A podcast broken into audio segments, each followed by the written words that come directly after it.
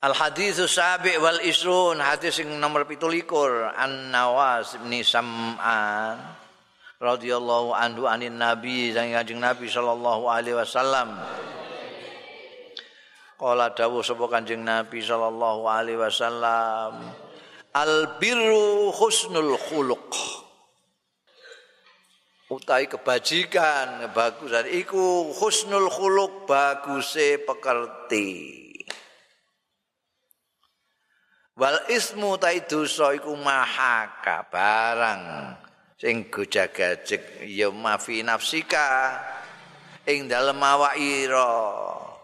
wa karih talan ora seneng sira ayat tali alaihi. Yen to ningali alaihi ing atase maha kafi nafsika. Sapa annasu manusa rawahu riwayatake hadis iki sapa muslimun imam muslim wa an wa bi ma'din radhiyallahu anhu Kala ngendika sapa wa Rabisa ataitu Rasulullah sowan ingsun Rasulullah ing Kanjeng Rasul sallallahu alaihi wasallam. Fakola mongko dibedhek, fakola ndawuh sapa Kanjeng Rasul sallallahu alaihi wasallam. Jikta tas alu anil birri kowe soan kowe arep takon to anil birri saking kebajikan kultu matur naam Nggih Kanjeng Rasul, kok peso jenengan? Kala dawuh sapa Kanjeng Rasul sallallahu alaihi wasallam, istafti qalbak. Jaluk fatwa sira qalbak ing atira. Al birru tai bir bijakan kebagusan iku matma'annat barang sing anteng ilahi marang ma nafsu jiwamu.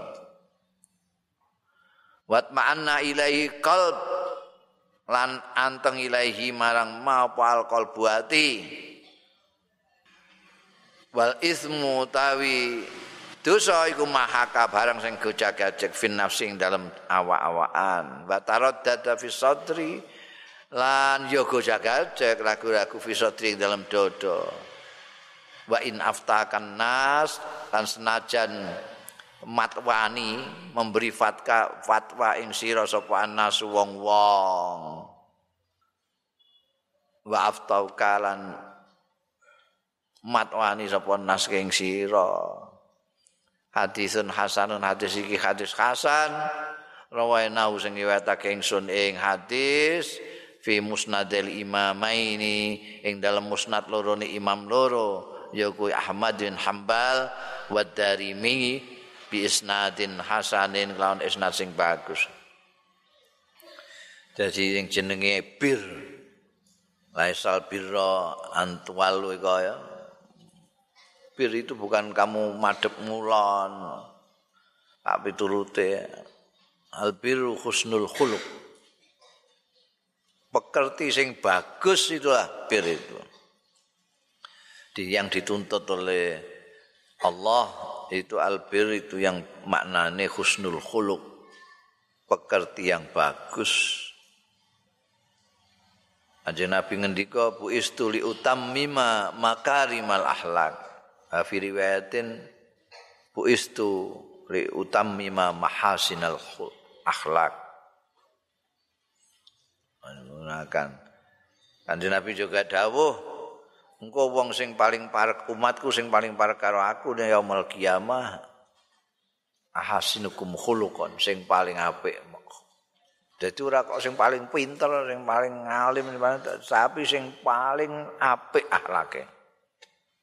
Paling apik akhlake. Lah dosa iku barang sing grenjel ning ngene gajah-gajek sing kowe dhewe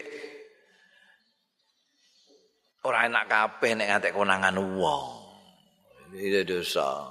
Ana sesuatu iki sing iki ngene akoni ya wong konangan wong wah isin aku iki ikut dosa rasa mbok lakoni ngene. Malah ning gone apa riwayate sahabat Wabisa bin Ma'din sing memang sengaja sowan Kanjeng Rasul sallallahu alaihi wasallam untuk menanyakan tentang albir Iku Kanjeng Nabi ndawuhi, wis ah takok ae ning hati nurami. Nek awakmu anteng, kalbumu anteng itu. Itu jawaban daripada nurani. Nek ora ngene gajak-gajak ra enak kabeh, ya tinggalkan. Cek menusa iku apik-apik tapi kowe ora mantep wis ora. Wong muni menolak segala macam tapi kowe anteng langsung kan. Istafti kolbak. Mergo di dalam kalbu kita itu ada cahaya.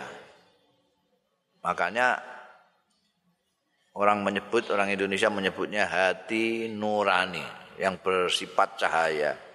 Jadi ada kalbu yang bersifat fisik, jantung, ada yang bersifat nurani, yaitu hati nurani. Anu. Nek mbok goleki mbok bedah, mbok takokno dokter ya mbok bedah. Gak ketok itu. Karena nurani kok cahaya. Sing ketok mok sing fisik.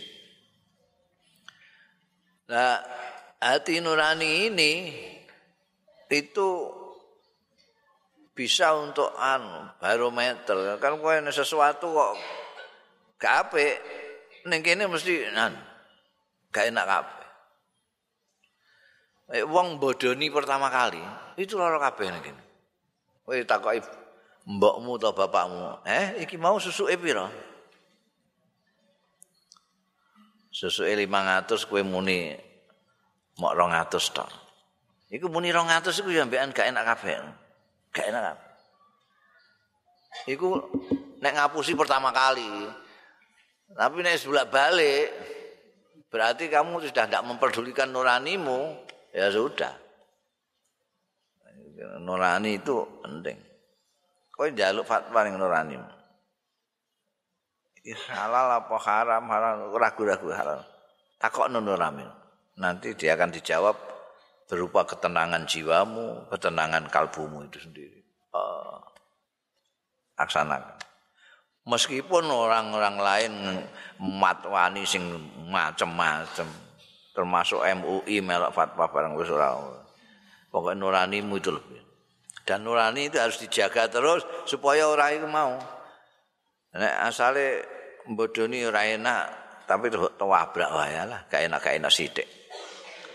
Engko terus mbodoni neh, mbodoni neh meneh sesuk terus itu yang disebut nuraninya mati. Atau mati rasa, wis gak krasa. Ono.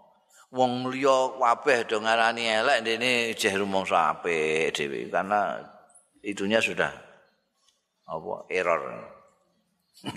nurani ini error. Al hadithu samin wal isrun hadis sing nomor 28 Allahu alam.